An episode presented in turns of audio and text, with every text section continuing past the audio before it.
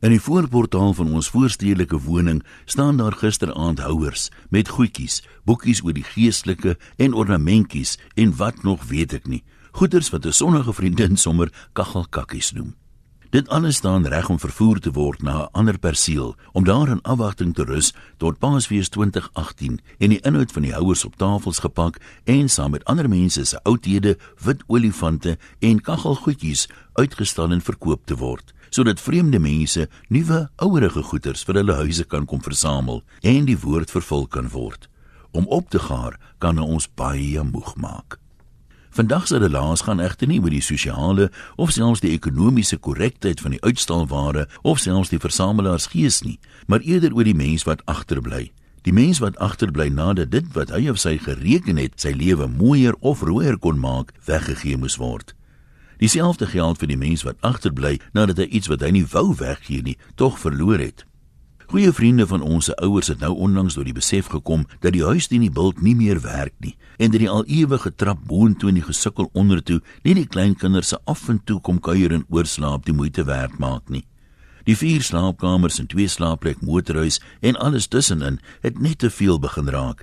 Die huis moes verlaat word en 'n nuwe bonke genesie was die ouer mense se voorland.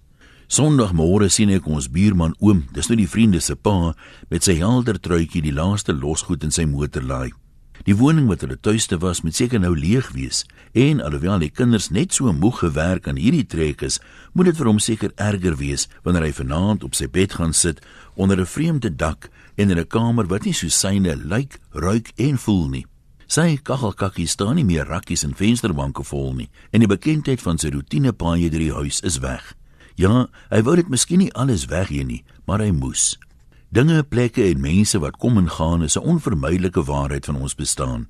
In 'n wêreld en kultuur waar ons streef na besitreg, standvastigheid en wat myne is, leer die aanvaarding van die werklikheid te mens dat die lewe, gesondheid, vreugde, hartseer en die materiële, ja selfs ons identiteit nie permanent is nie.